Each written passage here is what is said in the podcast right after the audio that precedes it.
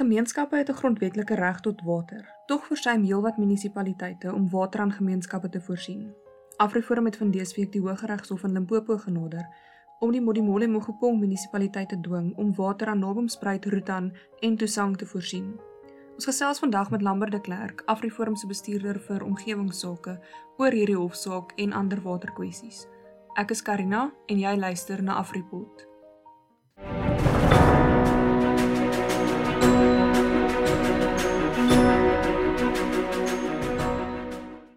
Lambert, welkom by Afripot. Goeiemôre Karina. So Afriforum het van dese week 'n hof saak teen die Modimolle Mogopong munisipaliteit gewen oor die watervoorsiening in Nobomspruit. Hoekom was dit vir die organisasie nodig om die hof te nader?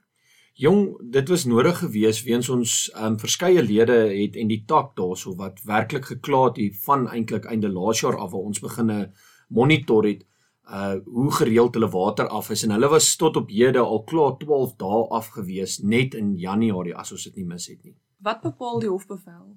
Jong Karina, die hofbevel bepaal dat daar twee boorgate wat in 2020 in die Nylvallei geboor is, asook twee plaasvervanger boorgate binne 10 dae toegerus moet word en aan die waternetwerk gekoppel moet word.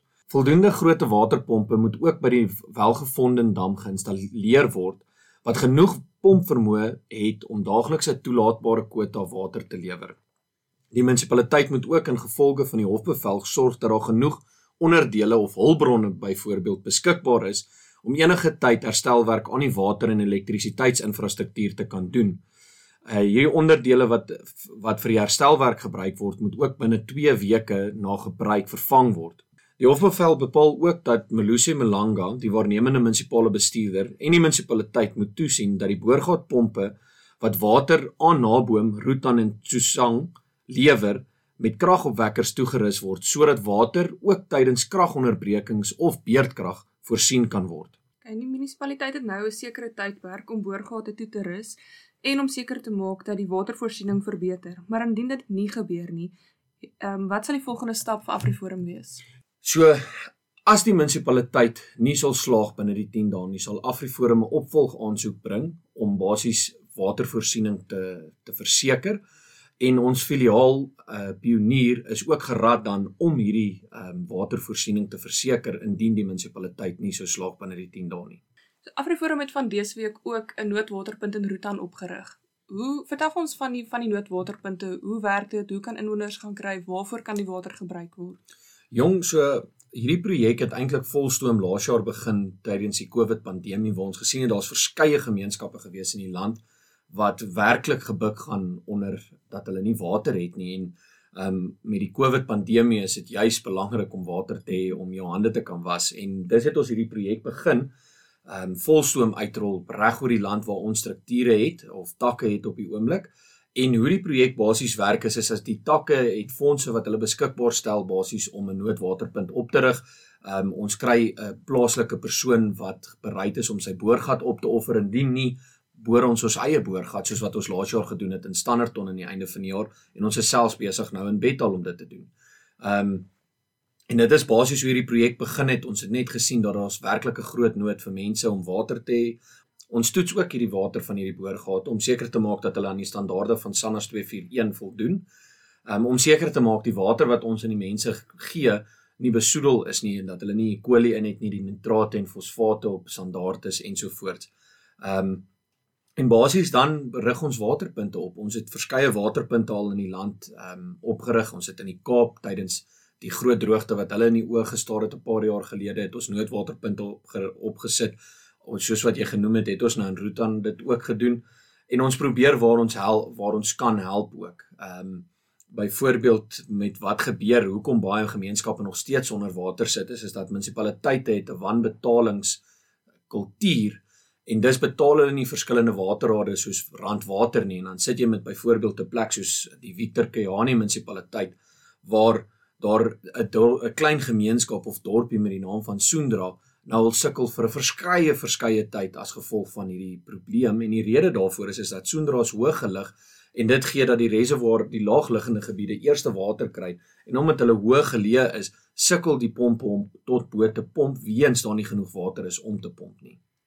En dan Lambert weet ek jy het ook vir die departement van water en sanitasie 'n brief geskryf verlede week en ehm um, dat julle Woensdag 'n verklaring uitgereik het en gesê dat dat die ehm um, departement moet toetree van nasionale vlak af, maar ook dat hulle hulle self weerspreek. Vertel ons bietjie daarvan en ook die waterprobleme in Hiberdien.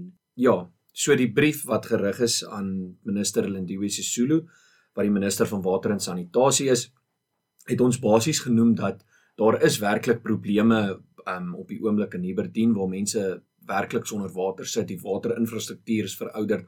Daar soos wat ons verstaan uit van die gemeenskaplede uit is daar baie sabotasie van die verskillende partye of faksies binne die munisipaliteit en ons het ook gehoor dat daar's werklike eh, glad nie mense wat bekwame is op die oomblik om hierdie werk te doen nie.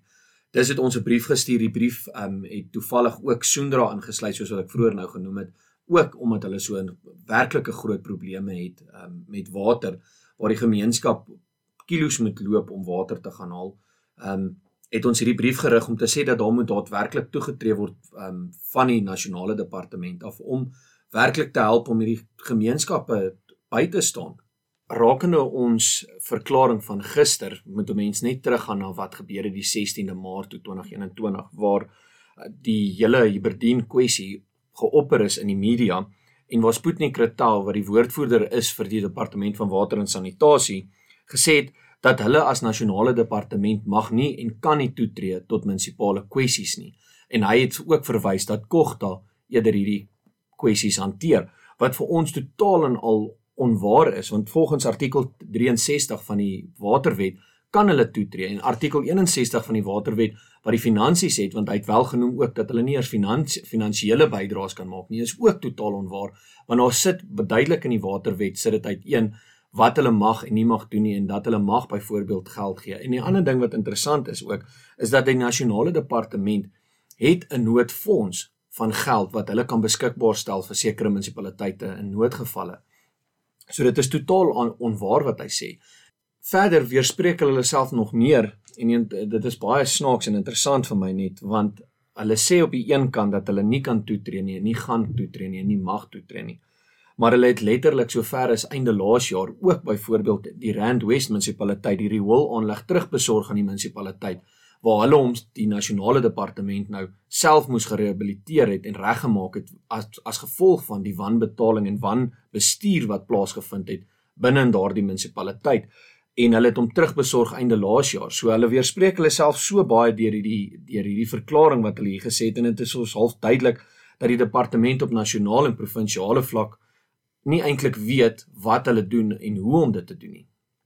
Kan Lambert dat jy nou genoem ook van die um, Rand West munisipaliteit en ek weet julle is die 19de Maart in die hof in in die Landdroshof in Randburg daaroor. Vertel ons meer oor hierdie saak. Ja, hierdie saak kom al van 2016 af, so dit is 'n baie lang saak wat ons al wel wat ons dryf as tak of die tak daarso het die saak gedryf waar hulle strafregtelike klagtes gaan gaan lê teen die munisipale bestuurder as gevolg van die wanbestuur wat plaasgevind het by die rioolaanleg. Hulle het verskriklik besoedel um die riviere in daardie area en dit het, het so haaglike toestand veroorsaak dat ons het nie 'n ander keuse gehad as om strafregtelike klagtes te gaan lê nie. Ons het probeer om met die munisipaliteit te praat. Ons het briewe vir hulle geskryf en ons glo daarin om altyd te probeer eers 'n uitweg vind en elke remedie moontlik uit te oefen voordat ons na strafregtelike klagtes toe gaan. Um weens om te probeer wys dat ons ook probeer saamwerk met die munisipaliteite, maar daar gaan net 'n gehoor van dat hulle wil glad nie saamwerk nie en hulle weier om eintlik net die die regte ding te doen om die omgewing te beskerm. Lambert, baie dankie vir jou tyd en sterkte met julle harde werk vorentoe. Baie dankie Karina.